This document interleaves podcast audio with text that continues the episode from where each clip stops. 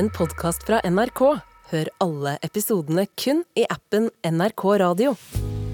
Du hører på Etikketaten med Kjersti Anderdal Bakken. Hva som er rettferdig og hva som er urettferdig, det er ikke alltid like åpenbart. Derfor tar vi i Etikketaten tak i dilemma som det som hører på, står i. Og i dag skal panelet diskutere annet skal slitne småbarnsforeldre få litt mer slack på jobb? Og når mor er død og søsknene dine er i djup sorg, skal du da fortelle at du er glad hun er borte? Rundt bordet her i dag sitter Elin Ørjasæter, en uh, ivrig debattant i media. Og siden det skal handle om småbarnsforeldre og slack, er du en som bruker å komme tidsnok på jobb? Jeg? Ja. Nei, jeg kommer ikke på jobb, jeg. Jeg har jo hjemmekontor. Altså, koronaen øh, viste jo meg hvor utrolig mye bedre jeg jobber hjemme. Og jeg savnet overhodet ikke den derre øh, praten rundt kaffemaskinen. Den sliter meg helt ut. Så, men det er klart, jeg skulle jo ønske at øh, noe sånt hadde vært mulig da jeg hadde små barn. Fordi da trengte jeg mye mer slack i hverdagen enn det jeg gjør nå. Mm. Du er jo da for mange kjent som en eh, nokså streng økonomiekspert i TV3-programmet Luksusfellen. Og den mm. rolla skal du få lov til å tre inn i eh, når det skal handle om svart arbeid etter kort her eh, også i dag, som jeg vet at du er engasjert i. Eh, men hvordan er det for det, Asad Siddik, Er du en presis type som småbarnsfar? med tanke på at det var ca.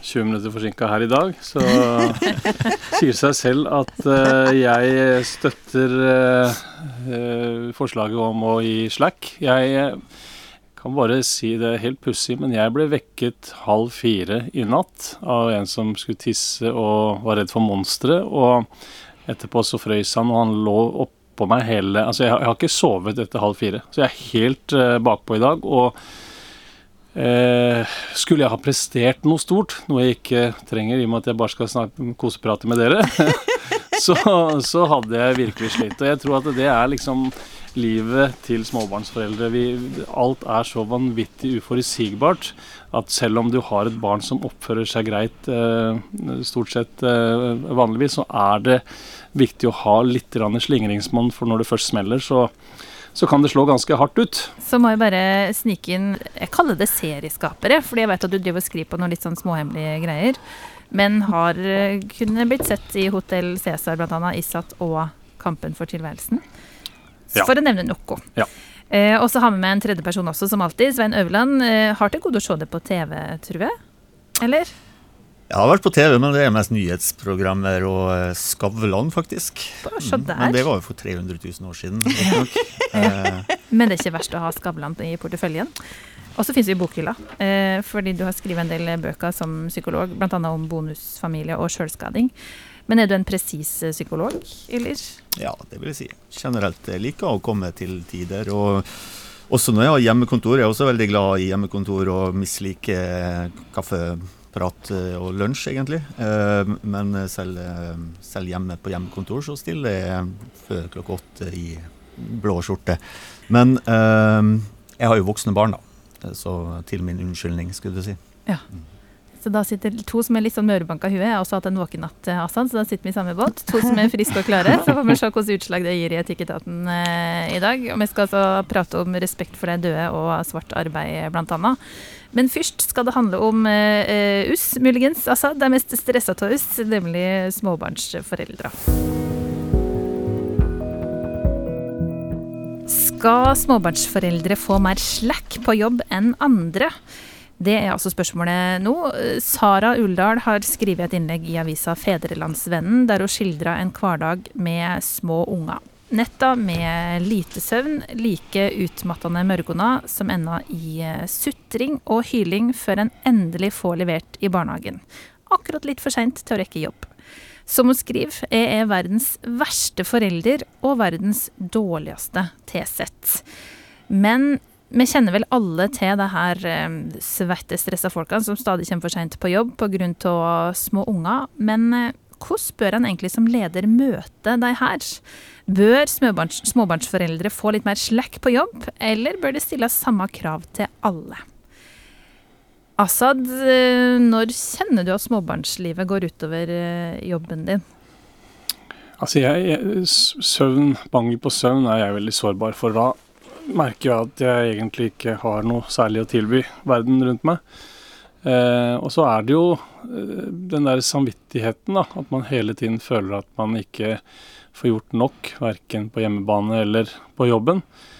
Eh, men nå har jeg blitt, jeg blitt såpass voksen, og jeg har en attpåklatt, så jeg er liksom ferdig med de to første eh, på et vis. Og har, har litt bedre både eh, rammer rundt meg, og ikke minst har blitt mer trygg på å ta vare på de viktige tingene i hverdagen. Så jeg lar, lar det ikke stresse meg på den måten. Jeg tar kanskje litt klokere eller litt mer eh, heldige valg, da. Eh, men uansett så er det med barn såpass eh, sårbart for veldig mange at det, det bør tas hensyn til, syns jeg, da. Elin, du er ferdig med småbarnsfasen. Mm. Syns du det som står i noe nå bør få litt mer slack? Eh, gode sjefer eh, behandler sine ansatte ulikt, men på en måte som eh, oppleves som rettferdig allikevel. For det å kreve at alle skal være på jobb, at alle skal være like presise f.eks., eh, det er jo ikke et rimelig krav. Hvis eh, folk har forskjellig reisevei, eh, forskjellig livssituasjon, så er det noen yrker hvor du må være presis. Eh, og det betyr hvis du f.eks. jobber i hjemmesykepleie, og konsekvensen av å komme for seint eh, er at noen blir sittende i en rullestol i sine egne skitne bleier, altså da, det går ikke. Eh, så det er veldig forskjell på yrker, og f.eks. på kjøpesentre så får jo butikken bot dersom butikken ikke åpner på samme tidspunkt som alle de andre. Men generelt så bør gode ledere kjenne sine ansatte, kjenne deres livssituasjon, og ta hensyn til det på en sånn måte at, at uh, man vet at det er vanskeligere for noen enn andre å komme for seint. Men jeg hadde en helt annen refleksjon uh, rundt denne småbarnsmammaen, som jo snakket om hvor, hvor slitsomt livet hennes var. Jeg kjente hvor mye jeg angrer på at jeg hadde full jobb når barna mine var små. Er det én ting jeg angrer i livet mitt, så er det akkurat det. Og vi opplevde jo da at ja, men jeg har ikke råd til å gå ned i redusert stilling. Men det er jo en sånn mental greie. Vi hadde hatt råd. Vi hadde bare strammet inn på andre ting. Eller til og med bodd trangere. Eh, så nå har jeg jo eh, barn som eh, selv snart skal ha barn. Og jeg tenker liksom Å gud, jeg håper at de tar seg råd til at en av dem jobber deltid når ungene er små. Hvor står du i det her, Svein? Du er jo leder også, så du er jo en av de her som ifølge Elin bør ta hensyn til de ansatte og behandle deg ulikt. Ja, jeg er veldig enig i det at uh, en god sjef skal få det beste ut av sine ansatte. Og det krever jo, uh, som Elin sier også, at man må ha forskjellige Eh, måter man møter den enkelte på, men også at man må tenke langsiktig. Eh, fordi eh, det er ofte slik at du, det tar litt tid i en jobb før du blir ordentlig god i jobben din. Slik at Hvis dette her er en person som har fått barn, og kanskje bare jobber et års tid, så hvis du holder på den personen og gir den personen tillit og mulighet til å vokse, så kan du høste inn det til bedriften din sin gunst da, om, om fem-seks år, når ungene er blitt litt uh, mer, mer, borte, skulle jeg si. Så det, det er veldig um, Ut fra et rent sånn sjefperspektiv, så er det dumt å, å, å, ikke hjelpe den personen der. Og I tillegg da, så vil jeg si også som sjef så har du også et ansvar for Eh, de ansatte som For det vil alltid være noe på, noen på en jobb eh, av de andre ansatte som på en måte himler med øynene eller sier noe stygt om den personen fordi de er dum eller ikke forstår eller ondsinna. Gudene vet. Og sånne ting tror jeg såres eh, så, Folk blir såra av fordi de har dårlig samvittighet. altså Den som kommer hesebesen inn forsinka, har veldig ofte dårlig samvittighet. Så du må også tilrettelegge, også ikke bare å snakke med sjefen, men også sjefen må hjelpe deg til hvordan du skal kommunisere det her til de andre ansatte. Men kan det ikke skape en, eh, at, at, noen yrker blir mindre attraktive fordi at det er de som ikke kan være fleksible i jobben sin, er ganske avhengig av at barnehagen åpner halv åtte. Mm. Hvis eh, vedkommende som skal åpne barnehagen eh, må Mm. få litt slack fra sin sjef, Mm. så skaper det ganske mange følgefeil i samfunnet ellers. Det er klart, Jeg er jo i retten en del, og det er klart til retten så kommer du presis. Eh, og du slår av telefonen. Så det er klart at det, I en sånn situasjon så har det vært vanskelig å kombinere med hente i barnehagen hvis jeg skulle i lagmannsretten klokka ni. for å si sånn. Eh, men, men igjen, jeg tror de aller fleste arbeidsplasser eh, så kan man til, tilrettelegge for det, eller man kan få andre arbeidsoppgaver i en periode. Eller man, man har jo selvsagt selvstendig ansvar da, til å se gjennom livet sitt, planlegge. Altså, det er jo sånn typisk du hører til eh, dem som for, folk som vet at de skal bli foreldre, som sier at ja, men livet mitt kommer til å gå stort sett som bra, jeg skal fremdeles på kafé og ta en pils. det, altså, Folk har en tendens til å underdrive hvor eh, det er, altså det er fantastisk å ha barn, men det er slitsomt. Og, eh, og livet ditt blir kasta opp og ned, og parforholdet eh, blir vanskelig. og slik at det å, å bruke litt god tid Folk klarer jo å planlegge en ferie. Så bør de klare å planlegge en, en hverdag, tenker, tenker jeg. Eh, Og lære av sine feil, da, ikke minst. Du har jo prisa deg lykkelig over at du er ferdig med den småbarnsplassen tidligere. Jeg er veldig glad i det. Jeg har aldri forstått sånne menn i, i 50-alderen som begynner på nytt. Det tenker jeg da eh, Takk for det. Nei, altså det jeg tenker da eh, Jeg ville aldri, vil aldri eh, gjort, gjort det. Jeg har tro på at jeg har gjort min eh, Jeg får ikke, får ikke bedre unger uansett. Ja, det, det er jeg helt uenig i. Jeg vil si at det, det som eh, Elin var inne på der, med eh, å forstå at man kan klare seg med en halv stilling altså det, det som er paradokset der, er at den innsikten ofte kommer for sent. Ja, ikke sant? Og, der, og jeg er jo der hvor den innsikten har truffet meg, så jeg tilrettelegger jo livet mitt etter det som passer i forhold til sønnen min og, og hjemmetilværelsen. Så eh, for mitt vedkommende, som har to eh, ungdommer som jeg er kjempestolt av og fornøyd med på alle måter, eh, så vil jeg likevel si at det, det jeg får ut av eh, oppveksten til eh, attpåklatten min, er noe helt annet. Og jeg skulle jo ønske, altså hvis man skal snu litt på det, da eh, Nå snakker vi jo om arbeidsgiver, men, men det å få en form for eh, opplæring i å være foreldre, eller få på en måte eh, noen en, en bevisst eh, tanke om hva man skal gjøre før man får barn, tror jeg hadde vært med på å lette trykket veldig mye mer. Men Eh, kan det ikke gjøre eh, småbarnsforeldre mindre attraktive å ansette da, eh, Jo, jo, men det er det jo, på sett og vis. Ehm, og, eh, og så er det jo også sånn at arbeidsmoralen er like ulik blant småbarnsforeldre som blant eldre folk. Eh, noe som er en frustrasjon på mange arbeidsplasser, er jo hvor det er veldig mye sykefravær. Og da er det jo typisk kvinner på min alder som statistisk sett har masse sykefravær kvinner over 50, eh, men hvor eh, holdt på å si, hvor, hvor det ofte blir en frustrasjon, fordi noen har lavere terskel enn andre. Eh, se for deg hun som liksom krøker seg rundt på jobben med prolaps, og får en telefon fra sin jevnaldrende 50-årig kollega som har bitte lite grann vondt i hodet og derfor blir borte i tre dager. Folk er forskjellige. Og Akkurat som dette med å komme for sent med barnehage og eh, fravær pga. syke barn. Altså Folk er veldig veldig forskjellige, og det skaper diskusjoner og frustrasjoner på arbeidsplassene rundt omkring. Men det er jo ikke verre diskusjoner og frustrasjoner enn det vi faktisk kan leve med, da. Altså Jeg hadde jo en kollega i min første jobb eh, som slengte beina på bordet, bokstavelig talt, på jobben tente seg en røyk, det var lov å røyke da, på begynnelsen av 90-tallet, og sa at nei, nå er det så rotete hjemme, nå tror jeg jeg må ta meg en tredagers. Eh, og dette sa hun helt høyt. Eh, og det er klart at eh, eh, småbarnsforeldre er like forskjellige som alle andre. Har du kjent på det, Assad, at noen himler med øynene når du nok en dag er hjemme med sjukt barn? Problemet i min jobb er jo at jeg kan verken være syk selv eller eh, skylde på noen andre. Så jeg må jo, som frilans skuespiller, så har jeg på en måte ikke noe valg. Eh, så jeg har mest dårlig samvittighet for at jeg ikke har benyttet meg av det. Mm. Så du må bare springe fortere hvis du er sjuk en dag, eller ungen. Ja, og jeg har jo kjent eh, veldig på eh, Altså hva- det har gjort med, med min kapasitet, da. Mm. Det å på en måte alltid måtte få til ting, det, det er jo, uh, skaper jo da følgefeil som jeg fortsatt betaler for i dag. Mm.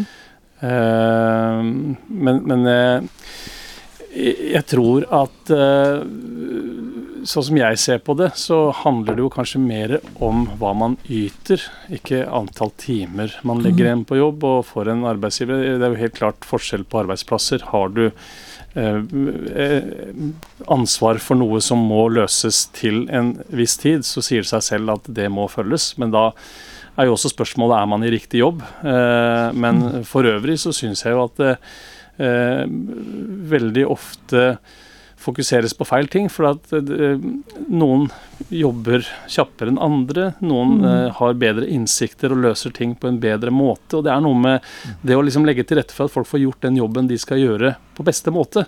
Eh, og jeg er jo kanskje litt sånn akkordmenneske sjøl, og jeg, jeg blir jo dritstressa av å bruke masse tid på ting som kan løses fort. Og det, da syns jeg at jeg skal ha en belønning for det. Jeg har ikke lyst til å sitte i tre timer ekstra fordi at kollegaen min løste det på en dårligere måte. Mm.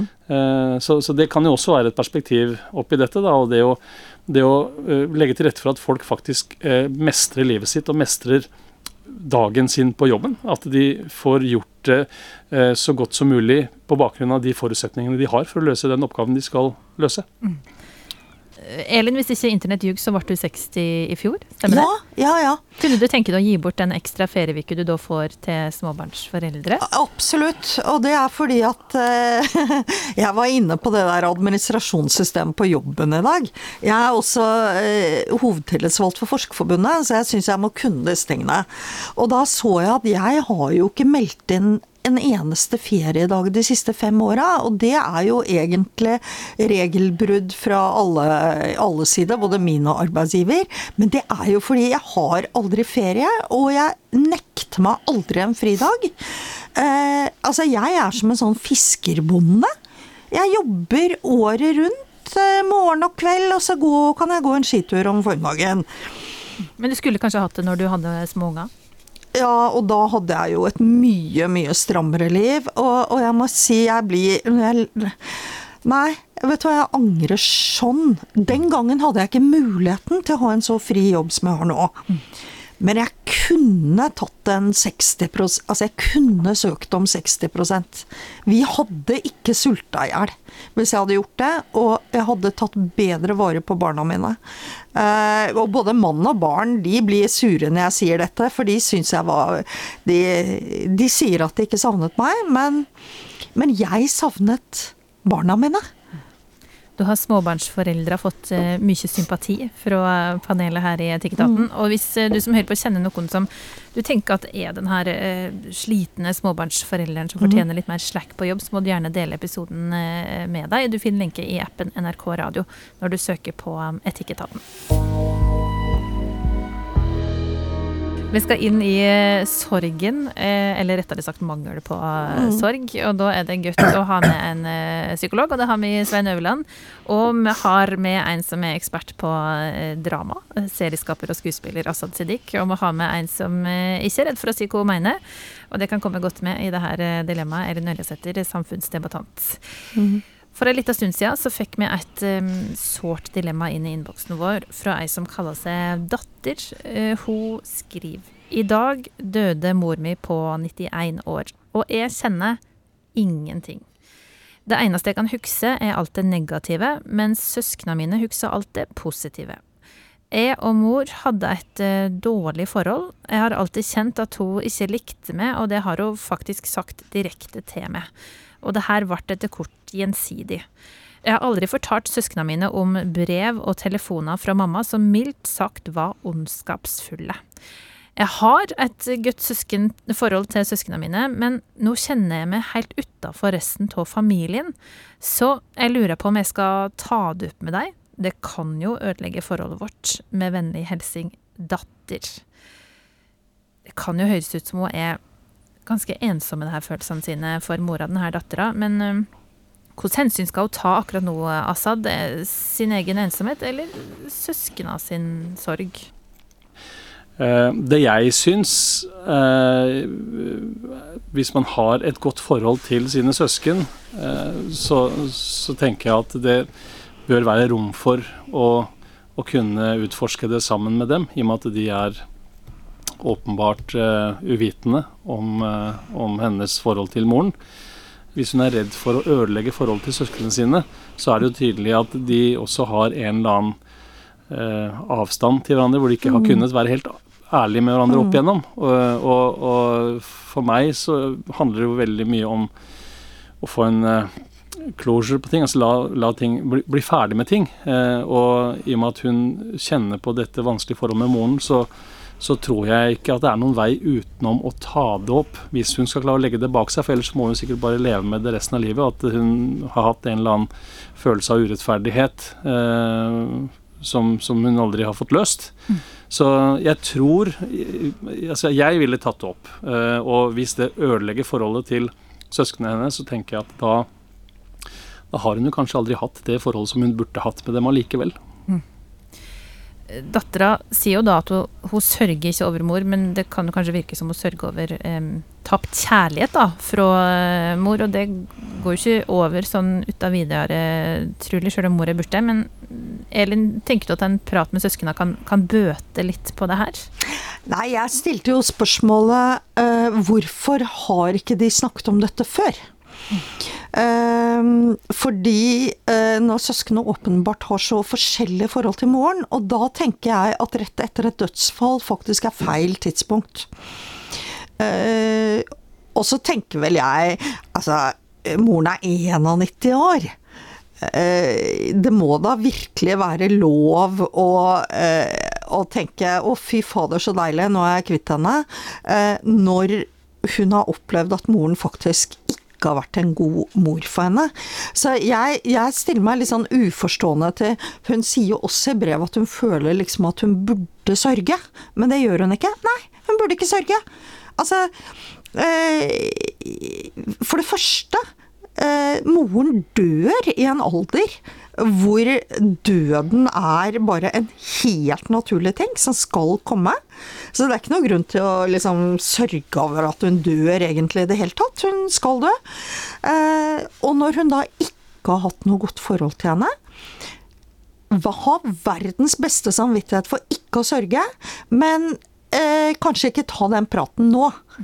Men det er et moralpoliti som kommer ganske fort på banen eh, hvis du ikke sørger over eh, nær slekt. Er det ikke det, Elin? Nei da. Vet du hva, altså jeg, eh, jeg har da hatt så mange gamle slektninger som har dødd, og hatt varierende forhold til dem. Aldri vært noe plaget av det moralpolitiet. Og så har jeg lyst til å si noe om sorg. Jeg hadde en pappa som jeg elsket over alt på jord. Han døde i en ulykke da han var 82. Eh, helt uventet, han var sprellende frisk. Jeg tenker på han hver dag med glede. Og jeg sørg... Jeg hadde ikke sånn derre sorg-sorg når han var død. Det var mer sånn at jeg tenkte å herregud, så heldig jeg var som fikk ha en sånn far. Som jeg fikk beholde så lenge. Eh, og han slapp den lange tiden med sykdom og elendighet som, som lett kunne skjedd. Eh, som skjer med mange gamle. Så jeg, jeg syns vi skal være litt mer sånn Ja, eh, vi lever til vi dør, og sånn har det alltid vært. Uh, ja. Men det her med å behandle søsken ulikt, terapeut Svein Høveland, er det, det er sikkert noe du kjenner til fra terapirommet, vil jeg anta. Men er det sånn at foreldre behandler ungene sine så ulikt, eller er det ungene som er litt ulike? Det er veldig vanlig at eh, man har en favorittunge. Det er noe som man ikke snakker veldig høyt om. eller Når du er mormor eller morfar, så har du også en favoritt blant dine barnebarn. Så det er jo det vanlige. Men de fleste prøver jo å skjule det så godt de kan. Uh, og som regel så klarer de det ganske bra. Men uh, vanligvis så vil jeg si at min erfaring både i terapirommet, men også knytta til sorg, så, eh, så, vet alle om det. Man har forstått det. Og i forhold til den saken her, det, ble, det med at de eh, søsknene her er uvitende om at mora har vært ondskapsfull, det tviler jeg på. Mm. Så øh, det tror jeg kanskje er en grunn til at de ikke har snakket om det, rett og slett fordi det er vanskelig. Og at det, nå, dette blir jo synsing i de luxe, men jeg vil også tro at det er relativt sannsynlig at de andre søsknene er fullt klar over at de hadde et dårlig forhold. Her, de har levd lenge, og sannsynligvis så har hun eh, gamlemor da snakka negativt også om hun eh, som eh, har dilemma her nå, i påhør til de andre. Og kanskje igjen har de dårlig samvittighet for at de ikke har gjort noe. Så her er et ganske kompleks eh, situasjon, tenker jeg. Som eh, på sikt tror jeg må tematiseres, men det er snakk om når og hvordan. Uh, men at det her er mer komplekst og mer kjent enn uh, hun beskriver, det er jeg ganske sikker på. Men for å spørre deg om noe, Svein. Du sa det er ganske vanlig at foreldre har favorittbarn. Mm. Jeg, altså, jeg har helt klart vært borte tilfeller mm. hvor det er tilfellet, men tror du det er vanlig? Altså, jeg må med hånda på hjertet si at jeg er like glad i de to barna mine. Mm. Og jeg, jeg, på en måte digger dem like mye, begge to. Ja. Jeg tenkte det samme. Ja, ja. ja.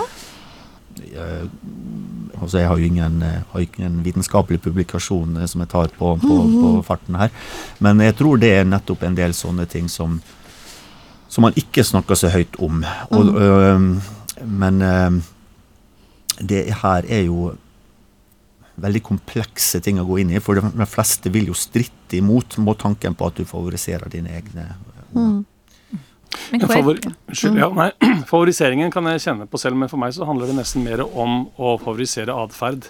Mm. Eh, det, det, er ikke noe skille mellom uh, hvor glad jeg er i dem, men uh, også liksom, hvilken fase de har, har, og hvor de er i livet. Og det er jo litt mm. sånn som det er med alle mennesker. Eh, noen ganger er de mer sjarmerende enn andre. Eh, mm. og, og, så er det jo også litt hvem som skriker mest og ber om mest. Så er det spørsmål da om fireåring forstår den forskjellen på atferd og person, da. Ja, Men i forhold til hennes eh, altså jeg, jeg, jeg, må si at jeg er egentlig litt uenig i eh, det dere har sagt om å ikke ta det opp. Eh, jeg, jeg, tenker at For hennes del så kan det jo være en utløsende faktor at moren har gått bort. At hun eh, kanskje har ønsket å ta det opp i veldig mange år, men ikke mm. funnet motet. ikke sant? Og så, og så kommer man i en alder hvor man skjønner at uh, livet er flyktig, og at uh, fort kan ta slutt, og at man trenger rett og slett å bare få, få løst ting. Uh, og og hvis hun skal vente da til, til søsknene er ferdig med sorgprosessen, så kan det komme over en ny fase hvor hun kanskje får en eh, venteperiode med usikkerhet på når det er riktig å gå inn. Så jeg tror et eller annet må bare skrelle av det plasteret med en gang, liksom, og bare ta det med en gang. For jeg tror eh, det jeg opplever at hun søker, er jo en eller annen forsoning med seg selv. For den, eh, den der følelsen av å ikke ha sorg jo, kan jo også være en slags sorg over det livet man har levd, hvor man føler at man har gått glipp av en, en mors kjærlighet eller en relasjon som man skulle ønske man hadde. Eh, som heller ikke er så lett å bare feie under teppet, for det er jo en del av din identitet som menneske. Mm. Hvilke råd får du i terapirommet da, Svein, hvis du sier at jeg føler mor ikke liker meg like godt som søsknene? Uh, ja, nå snakker vi om to ting. Det ene er den favoriseringen, og den andre i den sorgprosessen. Generelt sett, uh, i, uh, som psykolog, så vil jeg si det at følelser er gode i betydning av at når du har en sterk følelse, så tyder det på at det er noe viktig i livet ditt. Så jeg vil jo si at, si at hun ikke har sorg. altså Hun har i hvert fall noen sterke følelser her, uansett hva vi skal kalle dem, med et eller annet som og det der med en sorg om et liv som aldri ble, f.eks., vil jo kunne klassifiseres som, som, som, sorg. Men uansett, det som er viktig når du tar opp slike ting, er jo nettopp at følelser så kan bli så sterke at du gjør ting som ikke du ville ha gjort dersom du hadde holdt roen litt. Det er jo derfor mm. folk eh, dreper eksen sin og mm. sårer folk man er glad i. At det følelsene gjør at du kludrer det til for deg sjøl. At du sier ting du ikke egentlig mente. og sånn. Så Derfor så vil det alltid være et godt råd å la følelsesnivået dabbe litt av, og finne tid og sted for en ting. Det er på samme måte som i krig, at det er greit å bestemme tid og plass for et, et angrep, istedenfor bare å buse på. Så generelt sett så det å, øh, å, å prøve å tenke litt eh, hva som er best på sikt, både for deg og dem rundt, det vil jeg alltid anbefale. Og så vil jo ikke jeg si at man ikke skal snakke om det, jeg vil bare si det at det man må planlegge hvordan og når man skal, skal si det.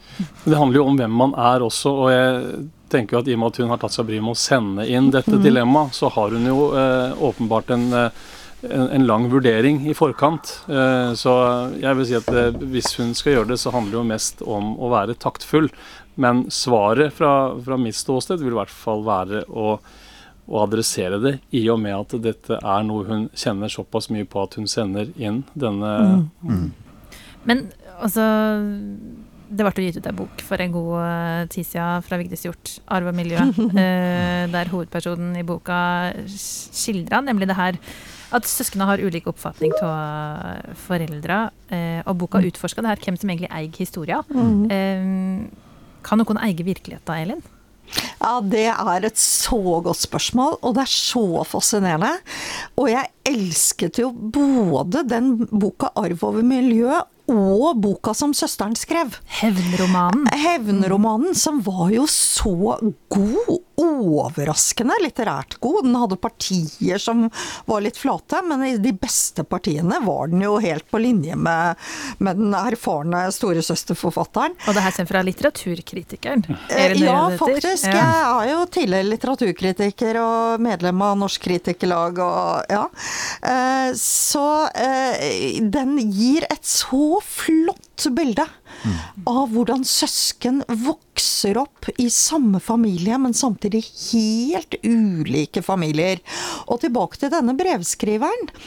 Jeg, liksom, det fascinerende her er jo at hun sier at hun har et godt forhold til søsknene, og samtidig har de ikke snakket om dette. Og så tenker jeg, hvis disse søsknene er empatiske personer, så blir de kanskje lettet når eh, søsteren sier at Vet du hva, jeg føler mamma aldri har vært glad i meg. Kanskje de svarer Vet du hva, det syns vi også er veldig fælt. Og det har vi også sett og tenkt på. Eh, men det kan også hende de sier 'hvordan kan du si noe sånn om mamma som elsket oss alle like høyt'? Altså, vi vet ikke, men det er kjempefascinerende det der med familier, altså.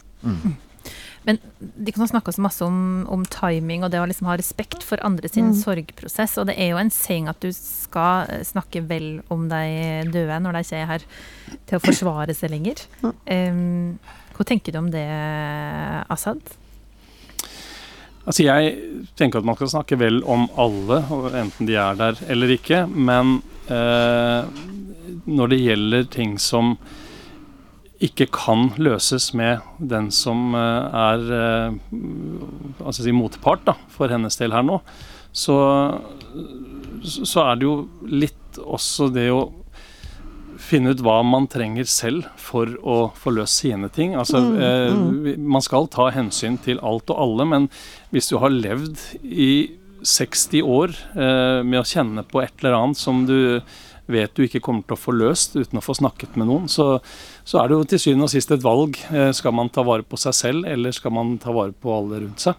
Eh, og jeg tror kanskje jo eldre man blir, jo, jo mer man innser at man uh, nærmer seg slutten, jo viktigere blir det på en måte å få løst det. Og jeg tror veldig på uh, å, å ha litt sånn såkalt friendly friction, og at man, at man våger å utfordre litt, selv om det finnes noen regler for hvordan man skal oppføre seg, så, så tror jeg man kommer veldig mye lenger med å, å prøve å få løst de tingene som kan være en sperre for forholdet. Eh, og enten så, så plumper man uti og driter seg ut og, og får avklart at det ikke var rom for den samtalen, eller så tror jeg at det forholdet til søsknene kan bli veldig mye bedre ved at man faktisk en gang for alle bare får lagt det bak seg, at det ikke skal henge over eh, hele relasjonen deres eh, i all eh, tid fremover. Jo, men altså, du sier en gang for alle lagt det bak seg. Jeg tror at sånne samtaler veldig ofte på en måte drar opp nye ubehageligheter, og så får man aldri lagt ting bak seg. Og jeg tenkte i forhold til den brevskriveren der så Aller først så tenkte jeg på en måte drit i søsknene dine, åpne en flaske champagne, ta deg et glass, feir at du er ferdig ferdig med den der forferdelige mora di. Det var min... aller første Men det er vel fordi at jeg er litt sånn desillusjonert når det gjelder å ta opp ting. Men kanskje fordi jeg tar opp ting på feil måte. Eh, Men ting blir liksom ofte verre av å ta opp ting. Ja, jeg tror det handler veldig om hvordan man tar det opp, men eh, i hennes tilfelle så tror jo jeg at dette også handler om eh, noe uavklart mellom dem. Eh, for jeg tror jo ikke hun hadde følt det på samme måte hvis ikke moren hadde favorisert de andre, sånn som hun har opplevd det. Eh, så det å få en eller annen anerkjennelse for det, eller få, få løst det som kjennes, det som lugger eh, i den søskenflokken, kan jo eh, være nødvendig for hennes del. Og jeg, det som er vanskelig med et sånt dilemma, uten at man vet hva historien er, og hva slags menneske vi snakker om, så da finnes det jo ikke noe entydig svar på hva som er rett og galt her. Men, men jeg opplever bare at hun har hatt en, hatt en litt for passiv rolle i livet sitt. da. Og Det er det jeg prøver å adressere her. For jeg, jeg, jeg tror enkelte mennesker gjerne vil skape en endring, eh, eh, men, eh, men utsetter det så lenge at det ikke blir rom for å, å gjøre noe med det. Eh, og da, når man kom, da kan en sånn hendelse, at noen går bort, eller at man mister på en måte muligheten til å ta det med den det gjelder, kan være en forløsende ting som gjør at man kanskje kan endre kurs, gitt at man er taktfull og, og tenker før man snakker.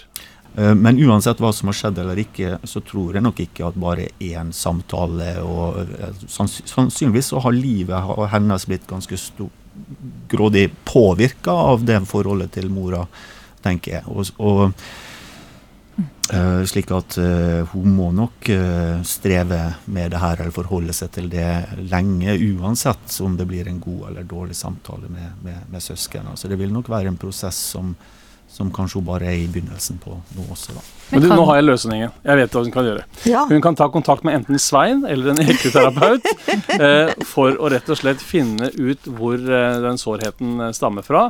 Om det er noe man må løse opp i sjøl og få, få lagt bort, eller om det er nødvendig å involvere andre mennesker for å få den avslutningen på det. Eller så kan du bare høre på alt det vi har sagt, eh, og la det modne, og så finne ut hva hun skal gjøre eh, en annen gang. Det er dårlig business for etikketaten, vet du. Altså, hvis jeg sier 'snakk med noen andre', så kan vi ikke holde på. Nei, men bare så må jeg gi henne litt ros eh, på, på slutten her også, da. Eh, Det her er jo en ekte person, eh, regner jeg med. Eh, Og, og jeg må jo si at det, det er ingenting som tyder på at det, livet hennes er ødelagt. Så hun har jo fått til ting i livet sitt. Og enhver smerte kan føre til noe godt. Hun har nå blitt den hun har blitt, og sannsynligvis hun er en fin person. Pluss det at hun har beholdt et, forhold, et godt forhold til søsknene sine på tross av alt det her. Det tyder jo på at det, dette her er en smart og, og, og, og følelsesnær person. eh, Og også at hun har sannsynligvis søsken som, som, som er gode. da, Så all kred til hun, Og i tillegg da at det hun spør om råd, det er alltid en god ting, da. Det fins god hjelp å få der ute, men uh, hvis du som hører på har lyst på noen tanker fra Etikketaten, så er e-postadressa vår etikketaten krøllalfa nrk.no. Skriv gjerne inn til oss. Um, og nå skal vi inn i en annen form for manglende likebehandling, og det skal handle om dugnad. Elin Ørjasæter, du er ekspert på delingsøkonomi og organisasjon bl.a., men eh, liker du å være med på dugnad sjøl? Nei, vet du hva. Det er, det er mitt såreste punkt. Jeg, for det første så skjønner jeg aldri hva jeg skal gjøre, for jeg er en veldig upraktisk person. Eh, og for det andre så Alt av sånn dugnader når barna var små, jeg følte meg bare helt utafor. Altså, jeg følte meg helt alien. Jeg syns det var grusomt. Ja, da vet vi det. Eh, Psykolog Svein Øverland, eh, hva gjennom, går gjennom ditt hue når du hører ordet dugnad, eller blir invitert til en dugnad? Nei, jeg har positive assosiasjoner til det. Dugnad er jo en av de få ordene fra Norge som har blitt internasjonale, skulle du si. Så jeg, jeg har jo veldig eh, stor tro på dugnad. Men eh, jeg tenker jo at dugnad handler jo om at man eh, bidrar på en eller annen måte. Og, å kjøpe doruller er ikke alltid den beste måten, tenker nå jeg, da. Nei, for det er det det skal handle om snart, disse dorullene. Og ikke den raka som kanskje Elin ikke skjønte opp ned på. Um, Asad Siddiq, skuespiller, du har små unger og er lagleder for et fotballag. Kanskje forplikta til å si at du liker dugnad, eller? Ja, det er jeg kanskje, men jeg, jeg liker dugnad i ordets rette forstand. Som Svein er inne på, det å liksom bidra og at man står sammen og, og løser ting. Men uh, den, uh, den, økonomiske siden av det, at man liksom bare uh, skal samle inn penger, det, det, har jeg ikke like mye til overs for. Mm. Dilemmaet skal altså handle om eh, dugnad og inkludering, eventuelt ekskludering kanskje, i dette tilfellet. Eh, en tobarnsfar fikk nylig en regning på 3000 kroner nemlig for dopapir. Han må nemlig da selge dorulla på dugnad for fotballklubben der ungene er medlem, og pengene skal han betale inn på forskudd. Salget av dopapir det er viktig inntektskilde for veldig mange klubber nå. Eh, og det er mange foreldre som er fornøyde med ordninga også. Spesielt fordi den er fleksibel og en ikke låser seg til å bruke f.eks. en hel helg da, på å skaffe idrettslaget inntekt. Men den type dugnad får òg fram et klasseskille, og det er noe Idrettsforbundet òg innrømmer. Det er ikke alle som har råd til å kjøpe ut det her Doruland. dorullene. En må ha bil, en må ha plass til å lagre alt eh, det her. Så eh, dugnad, som da blir definert som inkluderende, egentlig opplever en del at det er ekskluderende. Og vi spør da er det greit med en sånn her type betalingsdugnad. Um, det skal jo være med på å gjøre trenings treningsavgifta litt uh, lavere, men um, Assad Tenk, er det ikke en bra ordning å få ned denne avgifta på? Jo, i utgangspunktet så er det det, men det må også sies at veldig mye av idretten er jo foreldredrevet og dugnadsdrevet allerede. Eh, det jeg syns er viktig som lagleder, er jo at alle bidrar. For det kan være en typisk tendens noen ganger at det er noen få foreldre som står på og gjør veldig mye, og så er det en del som lener seg litt tilbake og tenker at de ikke trenger. Uh, og, og, jeg reagerer litt på at, uh, altså at, man sier at man slipper å jobbe, sette av en hel helg uh, for å jobbe inn en dugnad. Hvorfor skal man slippe det? Hvorfor kan man ikke heller ta seg den tiden for barna sine og stille opp på lik linje med alle andre foreldre, og bare få gjort det sånn at alle bidrar med det samme, altså tiden sin? Uh, Istedenfor å kjøpe seg fri fra ting som jeg syns er en uting. For jeg tror at det har, for, for min del i hvert fall, så har det Eh, noe mer enn det økonomiske i seg. eh, ved en dugnad som er ekstremt viktig. Eh, som, som, er viktig både for å bygge en lagånd, men ikke minst også få, få, dratt alle inn, sånn at alle liksom er med på det løpet som skal kjøres som foreldre for, for barna sine. Så, ja. Vet du hva, Assad, nå syns jeg nesten du var motbydelig norsk, altså. Fordi altså, du er en hyggelig fyr. Du tar sikkert ansvar når folk kommer på dugnad og er hyggelige. Det jeg opplevde på idrettsdugnader når barna mine var små, det var at ingen hilste, alle skulte på meg, de snakket stygt om sånne karrierekvinner. Eh, underforstått, og der kom jeg rett fra jobben med stresskoffert i hånda. Vet du hva, jeg, jeg bare følte meg så utenfor og uglesett i det miljøet eh, at jeg har stor forståelse for folk som rett og slett ikke orker, fordi folk er ikke alltid hyggelige. Og disse her fotballfedrene kan være helt jævlige. Og det finnes jo faktisk en løsning der du kan heller bare betale klubben overskuddet for dorullsalget i stedet for å hente det ut. Tenkte du det er en god løsning, Elin? Nei, det er ingen god løsning på dette. fordi at det er klart at jeg har ikke noe bedre alternativer. Jeg syns jo den dorullordningen høres ut som både pest og kolera. For det første må du betale. For det andre må du bruke masse tid på å selge dette rælet. Som selvfølgelig Kiwi og Rema selger på en mye mer effektiv måte. Så liksom Jeg syns bare dette virker helt håpløst. Uh, og jeg har ikke noen løsning. Jeg vet at hele Idretts-Norge sliter med finansiering. Men jeg vil gjerne forsvare de foreldrene som faktisk ikke kommer på dugnad fordi de skjønner ikke hva de skal gjøre, eller ingen hilser på dem, eller folk fryser dem ut. Det er virkelig ikke en gøy måte å bruke en hel helg på. Uh, de som er inne i dette miljøet, Uh, de har greie på fotball, de er liksom uh, De er gjerne venner. Altså, de skal være litt oppmerksom på å ta hyggelig imot de som føler seg utafor.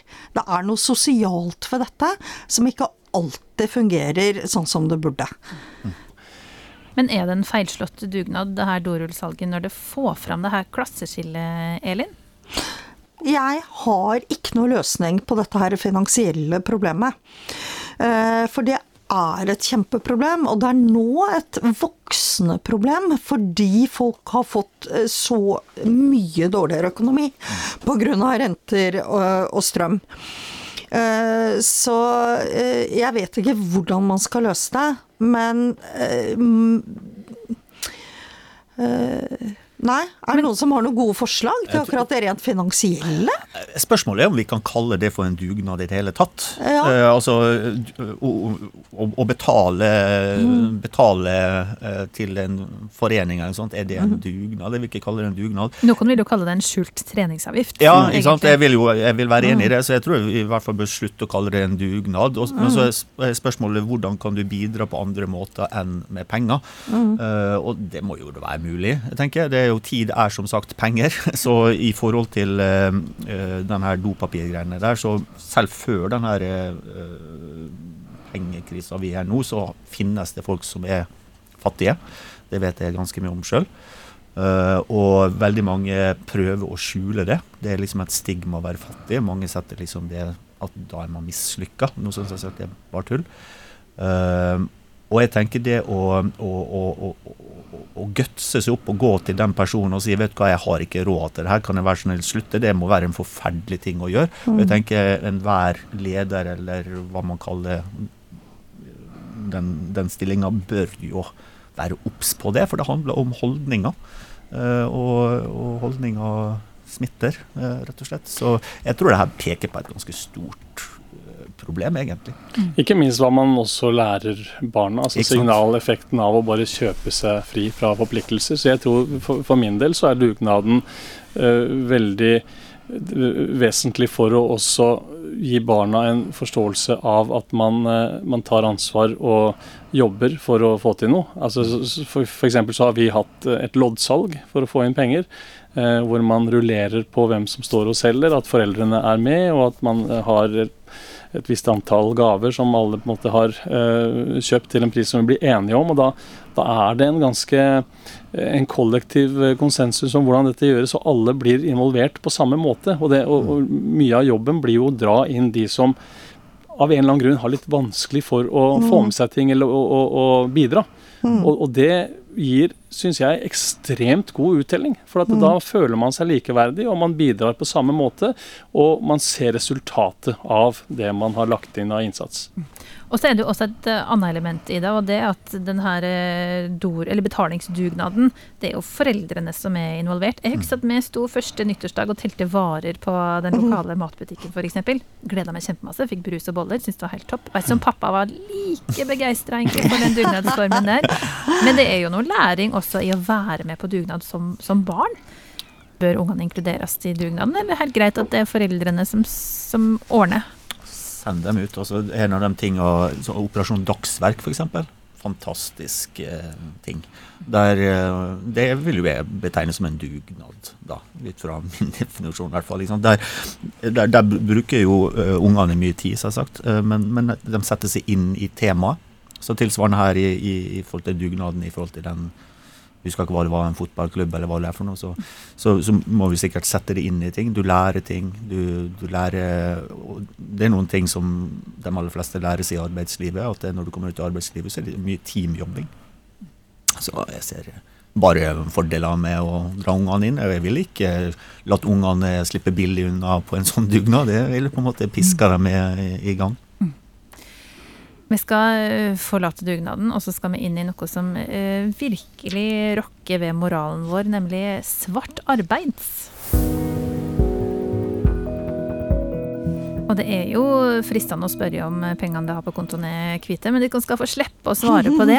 Eh, psykolog Svein Øverland, serieskaper og eiendomsmegler, Asad Siddiq, og ei som kan masse om arbeidsmarked og økonomi, Elin Ørjasæter, som bl.a. underviser studenter i eh, det her. Vi har altså fått en e-post til etikketaten krøllalfa nrk.no, der det står Hei, jeg har tatt på meg arbeid for dattera til en venn. Hun har kjøpt et eh, gammelt hus som må totalrestaureres. Hun tenkte å kjøpe nye vinduer til huset for å erstatte de som var 100 år gamle, men jeg tilbød meg å restaurere dem. I ettertid så ser jeg at det er mye mer arbeid enn jeg trodde. Vi har blitt enige om at jeg skal ta 200 kroner i timen for jobben, og jeg kommer til å tjene rundt 50 000 på jobben. På en måte så kjenner jeg at jeg bidrar med dugnadsinnsats her.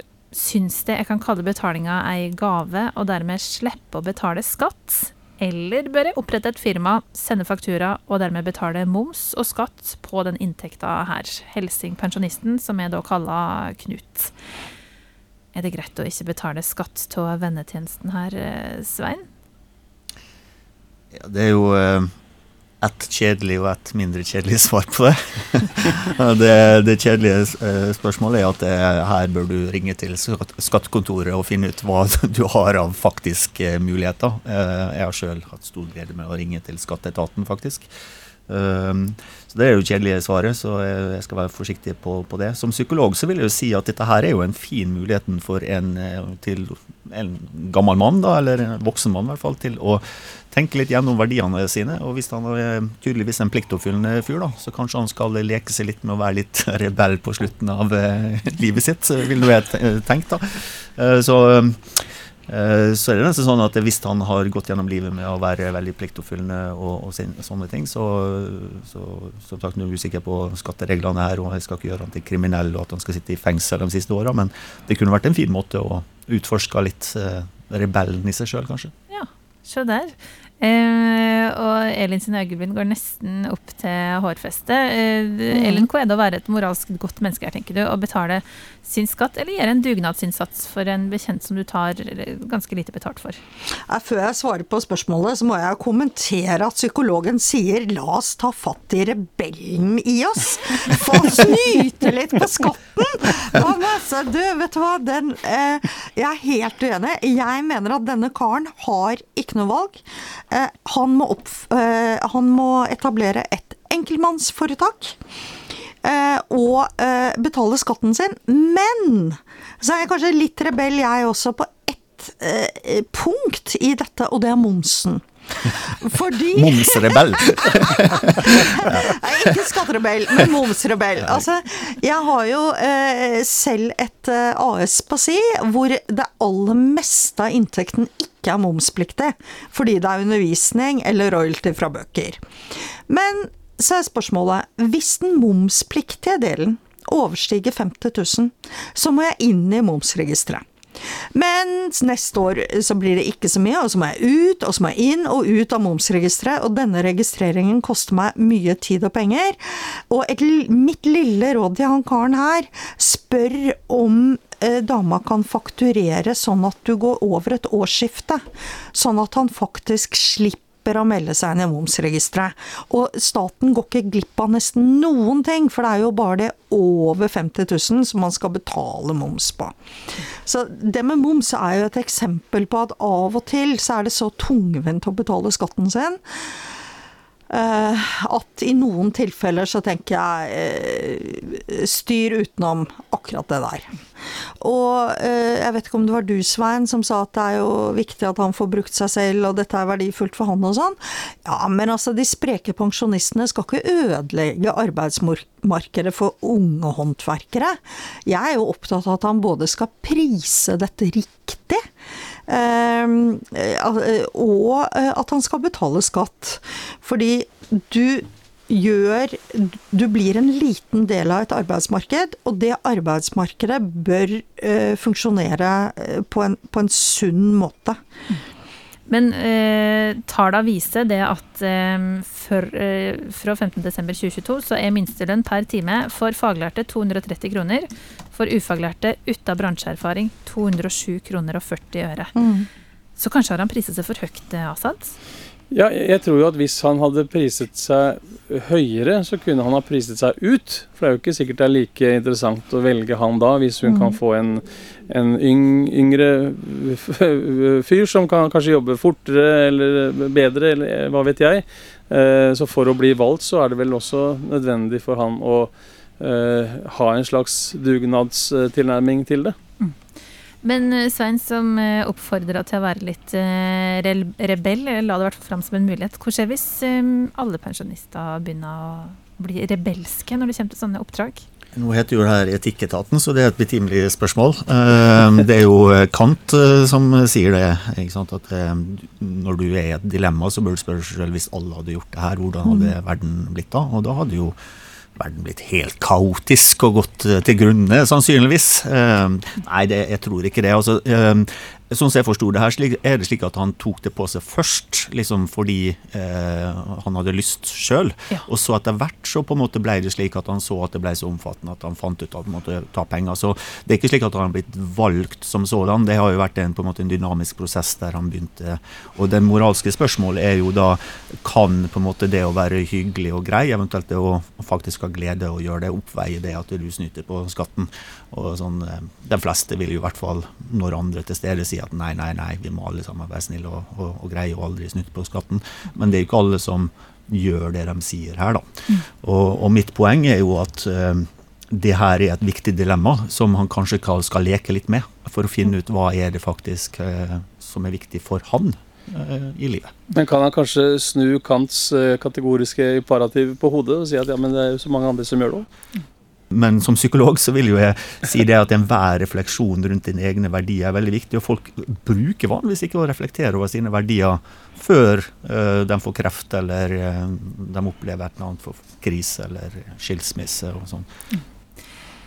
Svartepeng, småbarnsforeldre med slekk, sorg og Finnes ikke på noe ord på, på S for dorulledugnaden vi har Slavarbeid. diskutert. Slavearbeid, potensielt. Jeg har vært innom en stor eh, bredde av etiske dilemmaer her i Etikketaten. Og send gjerne inn, du som hører på også, hvis du har et dilemma til oss. Etikketaten krøllalfa nrk.no. Og så skal du ikke se bort fra at den gjengen her blir jo høyratt. Elin Ørjasæter, som eh, virkelig var på heimebane i det siste dilemmaet her. Du underviser ved Høgskolen i Kristiania om arbeidsliv, blant annet, og er ivrig samfunnsdebattant. Og du er også en som griper til pennen, psykolog Svein Øverland, eh, som spaltist og forfatter, og først og fremst psykolog. Og Asaad Siddiq, som skriver TV-serier og står på scenen som eh, skuespiller. Takk for at dere kom hit, alle sammen.